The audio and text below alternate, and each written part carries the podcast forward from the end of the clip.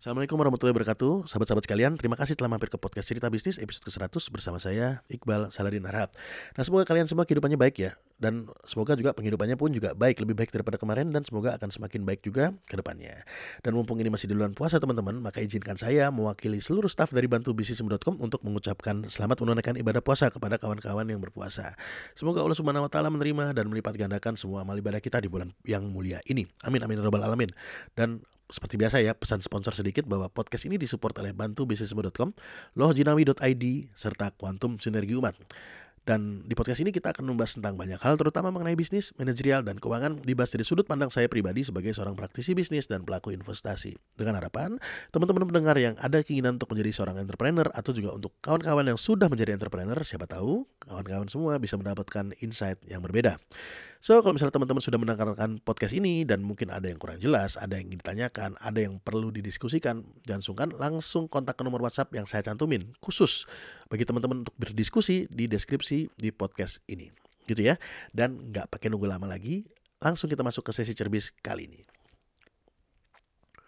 Jadi kawan-kawan, salah satu masalah yang mempengaruhi bisnis lumayan krusial itu adalah masalah penjualan. Gak sedikit mitra pendampingan kami yang memiliki masalah terhadap penjualan teman-teman. Nah, orang punya produk sebagus apa pun ya, kalau nggak bisa jualan, ya bakalan nyungsep juga gitu loh. Nah, terus gimana dong caranya meningkatkan penjualan di tempat kita? Nah, gini teman-teman. Saya menerapkan uh, jurus 5 pilar marketing di bisnis saya dan uh, 5 jurus ini juga sudah saya terapkan di bisnis mitra pendampingan kami.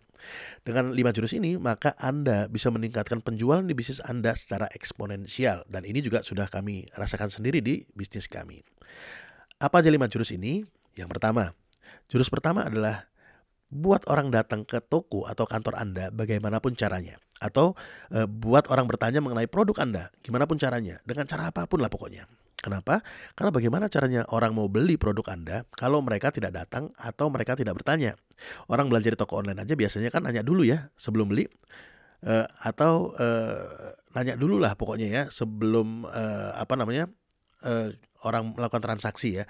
E, ya kayak gitu. Artinya paling tidak barang ini ready nggak gan gitu kan nanya dulu di toko online. Uh, mereka perlu memastikan dulu lah barang ini ada apa enggak. Nah untuk itu tentunya uh, perlu ada trik gimana caranya mereka harus datang. Apakah dikasih harga yang murah supaya orang bisa masuk langsung bertanya ke tempat uh, Anda. Ya pokoknya lakukanlah gimana caranya orang datang atau bertanya ke tempat Anda. Itu jurus yang pertama. Jurus yang kedua, buat orang yang sudah datang untuk segera membeli. Gimana pun caranya. Pokoknya bebas lah selama tidak melanggar norma-norma yang ada. Jurus yang ketiga, buat orang yang sudah beli tadi untuk membeli lebih banyak. Gimana pun caranya. Jurus yang keempat, buat orang yang sudah beli lebih banyak tadi untuk membeli lebih sering lagi. Lebih sering datang ke toko Anda. Gimana pun caranya. Dan terakhir, jurus kelima adalah buat orang yang sudah membeli ya untuk menjadi pelanggan loyal Anda. Dan bagaimana caranya mereka mau mereferensikan bisnis Anda kepada kenalan-kenalan mereka. Dan ketika mereka sudah mereferensikan bisnis Anda kepada kenalan-kenalan mereka, maka berikutnya akan balik lagi ke jurus pertama, ya, mendatangkan orang baru lagi. Ya kan pelanggan eh, apa namanya kenalan-kenalan mereka akan menjadi pelanggan baru lagi. Dan eh, gitu terus lah jadinya. Nah, kalau ini eh, balik lagi ke jurus pertama, kedua, ketiga, empat, lima, balik lagi ke jurus pertama, dua, tiga, empat, lima, gitu terus. Dan kalau ini bisa dilakukan secara konsisten, teman-teman, maka pelanggan Anda akan semakin banyak dan loyalis di bisnis Anda pun otomatis jadi bertambah. Saya kasih contoh ya, di mana lima jurus ini sering digunakan. Salah satu bisnis yang sering menggunakan jurus ini adalah Matahari Department Store. Jurus pertama, secara branding mereka sudah dapat gitu loh. Membuat orang yang mau beli baju untuk datang ke toko mereka, ya kan? Kita kan sudah tahu ya, kalau misalnya mau beli baju, ya kalau nggak ke uh, departemen store yang lain, misalnya kayak Ramayana gitu ya, ke Matahari. Jadi secara branding mereka sudah tahu lah, untuk membeli baju ya datang ke toko mereka. Jurus pertama untuk membuat orang datang Matahari Department Store sudah cukup sukses. Itu menurut saya. Jurus yang kedua, mereka memasang diskon dengan harga yang cukup ugal-ugalan, membuat orang e, jadi tertarik untuk membeli karena orang-orang yang datang merasa barang yang dijual itu terasa murah dengan adanya diskon tadi. Misalnya, ada diskon sampai dengan 90%, ada diskon e, dengan sampai dengan 70% atau ya harganya pokoknya ugal-ugalan lah. Padahal uh, hanya barang tertentu yang uh, diskonnya sampai 90%. Dan ini pun uh, jurus kedua cukup berhasil gitu loh. Membuat orang jadi uh, membeli karena merasa bahwa yang dijual di matahari terasa murah barang-barangnya dengan adanya diskon tadi. Jurus ketiga, Matahari juga memberikan diskon ganda seperti misalnya dapatkan eh, produk baju cantik gitu ya seharga 200 ribu cukup bayar 100 ribu aja dengan belanja total senilai 300 ribu rupiah jadi ada diskon ganda ketika uh, kita belanja barang senilai 400 ribu, ribu rupiah ada diskon kita bayar 300 ribu rupiah nah ketika kita sudah bayar 300 ribu rupiah masih ada lagi diskon bisa dapat uh, baju lain baju tertentu gitu ya uh, hanya dengan bayar 100 ribu harganya 200 ribu jadi ada lagi diskon 100 ribu. Ini namanya diskon ganda.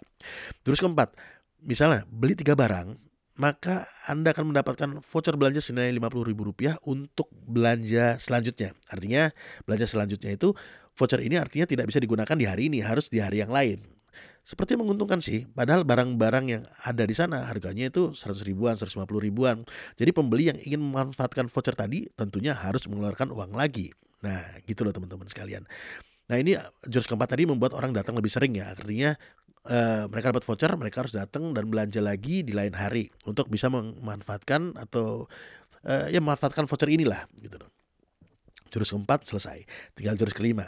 Beri pelayanan yang baik secara konsisten sehingga pelanggan senang dan mau menjadi konsumen yang loyal.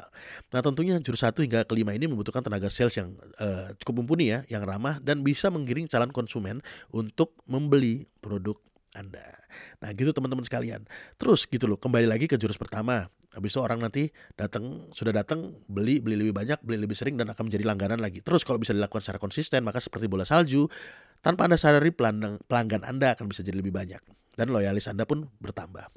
Gitu teman-teman sekalian. Nah, nah eh, mungkin gitu teman-teman. Eh, tentang cerita singkat cerbis di edisi kali ini. Monggo kalau misalnya teman-teman ada yang perlu didiskusikan. Uh, bisa sering di nomor WhatsAppnya. Bantu bisnismu yang saya cantumin di deskripsi di podcast ini. Saya mohon maaf ya kalau misalnya saya juga uh, apa namanya ada kata-kata yang kurang jelas, ada kata-kata yang kurang kurang berkenan, saya juga minta maaf. Monggo kalau misalnya teman-teman sekalian ada yang uh, kurang jelas, monggo ditanyakan di nomor WhatsApp tadi. Semoga bermanfaat buat kawan-kawan sekalian, terutama buat saya pribadi sebagai pengingat diri. Saya cabut dulu, sampai jumpa di episode cerbis berikutnya. Assalamualaikum warahmatullahi wabarakatuh.